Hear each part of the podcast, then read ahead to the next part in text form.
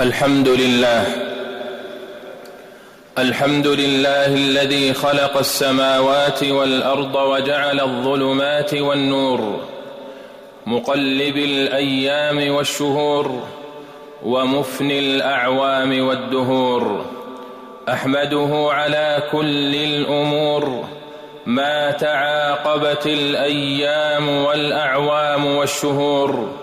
وما هبت الصبا والدبور.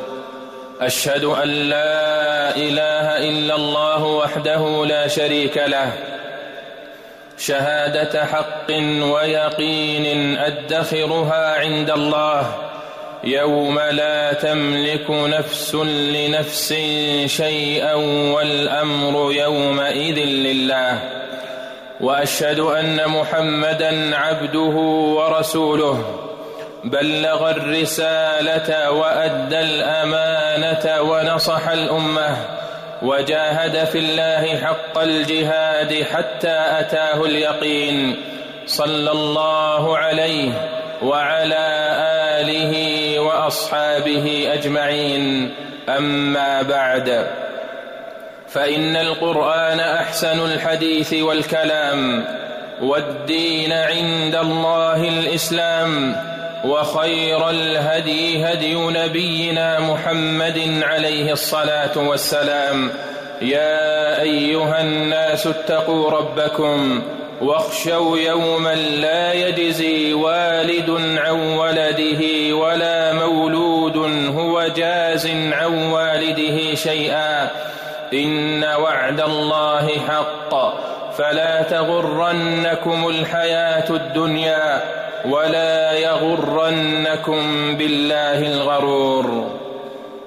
معاشر المسلمين إن الله قد جعل الأوقات مستودعا للأعمال فمن يعمل مثقال ذرة خيرا يره ومن يعمل مثقال ذرة شرا يره. فالمغبون من غبن خير الأوقات.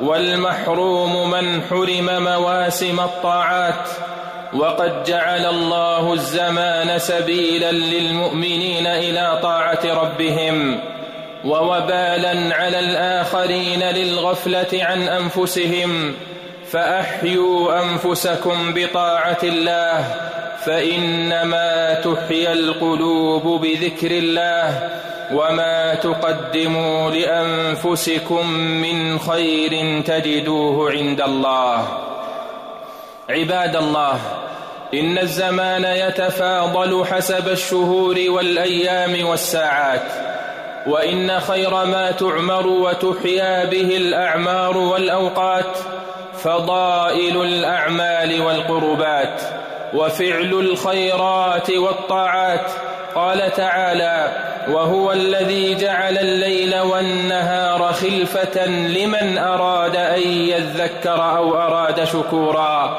ألا وإنكم في شهر عظيم. ألا وإنكم في شهر عظيم. يغفل عنه كثير من الناس. وبئس الغفلة نصيب المحرومين. وبضاعة الكاسدين. ألا وإنكم في شهر عظيم ترفع فيه الأعمال إلى الله رب العالمين فاختموها بالتوبة وصالح الأعمال لعل الله أن يختم بها الآجال. ألا وإنكم في شهر عظيم كان رسول الله صلى الله عليه وسلم يحرص على صيامه. فعن أسامة بن زيد رضي الله عنه قال قلت يا رسول الله لم أرك تصوم شهرا من الشهور ما تصوم من شعبان؟ قال ذلك شهر يغفل الناس عنه بين رجب ورمضان وهو شهر ترفع فيه الأعمال إلى رب العالمين. فأحب أن يرفع عملي وأنا صائم رواه أحمد.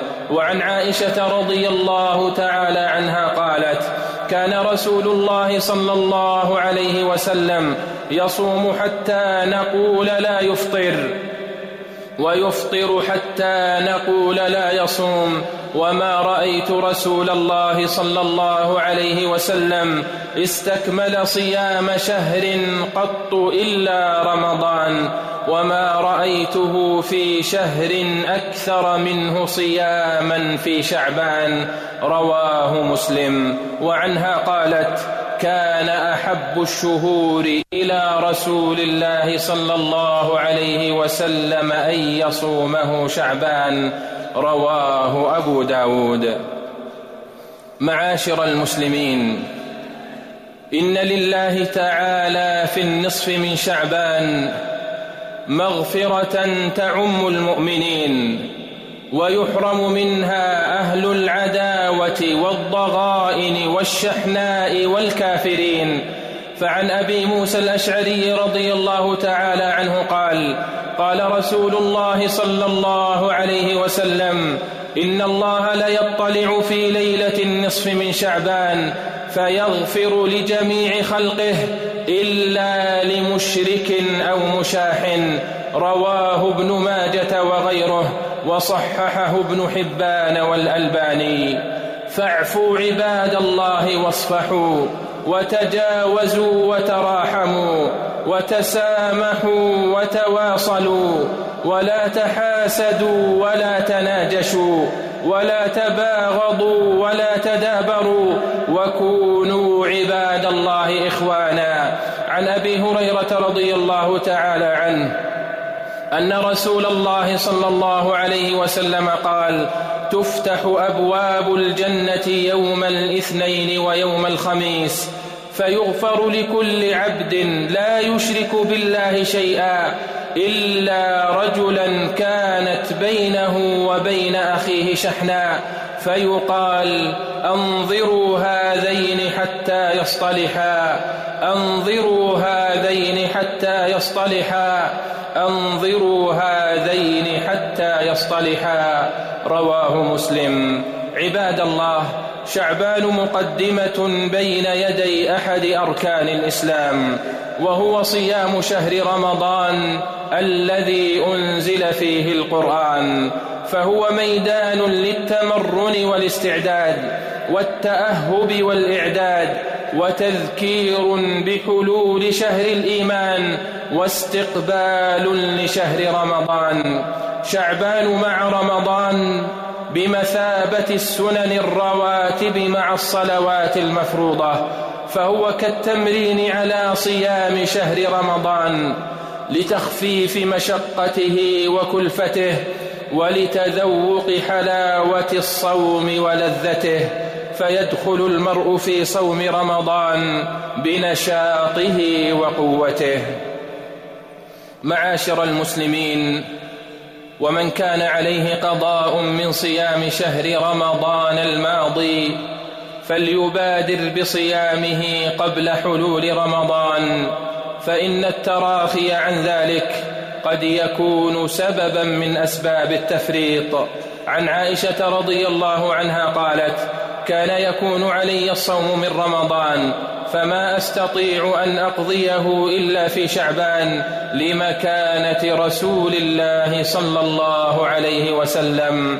فبادروا رحمكم الله بصالح الأعمال قبل حلول الآجال وسارعوا إلى مغفرة من ربكم وجنة عرضها السماوات والأرض أعدت للمتقين. بارك الله لي ولكم في القرآن العظيم ونفعني وإياكم بما فيه من الآيات والذكر الحكيم. أقول ما تسمعون وأستغفر الله العظيم الجليل لي ولكم ولسائر المسلمين من كل ذنب فاستغفروه إنه هو الغفور الرحيم. الحمد لله على إحسانه. والشكر له على توفيقه وامتنانه.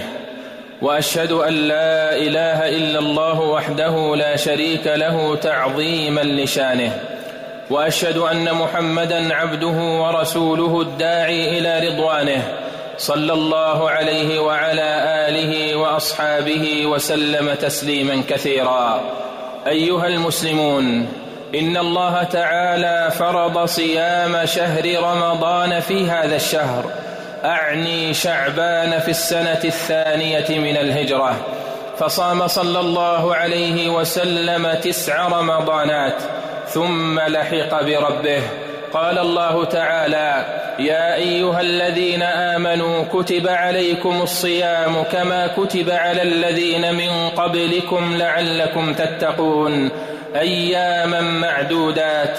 فمن كان منكم مريضا أو على سفر فعدة من أيام أخر. وعلى الذين يطيقونه فدية طعام مسكين. فمن تطوع خيرا فهو خير له. وأن تصوموا خير لكم إن كنتم تعلمون. شهر رمضان الذي أنزل فيه القرآن هدى للناس وبينات من الهدى والفرقان. فمن شهد منكم الشهر فليصم ومن كان مريضا أو على سفر فعدة من أيام أخر يريد الله بكم اليسر ولا يريد بكم العسر ولتكملوا العدة ولتكبروا الله على ما هداكم ولعلكم تشكرون وعن ابن عمر رضي الله عنه أن النبي صلى الله عليه وسلم قال بني الإسلام على خمس على أن يعبد الله ويكفر بما دونه. وإقام الصلاة وإيتاء الزكاة وحج البيت وصوم رمضان رواه مسلم. وعن أبي هريرة رضي الله عنه أن رسول الله صلى الله عليه وسلم قال من صام رمضان إيمانا واحتسابا غفر له ما تقدم من ذنبه ومن قام رمضان إيمانا واحتسابا غفر له ما تقدم من ذنبه ومن قام ليلة القدر إيمانا واحتسابا. غفر له ما تقدم من ذنبه. رواه البخاري. وبعد عباد الله فلم يتبق على هذا الشهر العظيم إلا أيام معدودات. فحري بالمسلمين. فحري بالمسلمين أن يستعدوا لهذا الشهر وأن يتأهبوا له وأن يبادروا ويتنافسوا فيه على طاعة الله فهنيئا لمن أدركه رمضان وهنيئا لمن وفق فيه للخير وصالح الأعمال فيا باغي الخير أقبل ويا باغي الشر أقصر فأروا الله من أنفسكم خيرا فإن الشقي من حرم من طاعة ربه وفاتت عليه مواسم الخير ولم ينتبه وأسرف على نفسه حتى باغته الموت ولم يتب من ذنبه وسارعوا إلى مغفرة من ربكم وجنة عرضها السماوات والأرض أعدت للمتقين. اللهم بلغنا رمضان. اللهم بلغنا رمضان. اللهم بلغنا رمضان. وأعنا فيه على الصيام والقيام. وتقبله منا يا رب العالمين. وتقبله منا يا رب العالمين. وتقبله منا يا رب العالمين.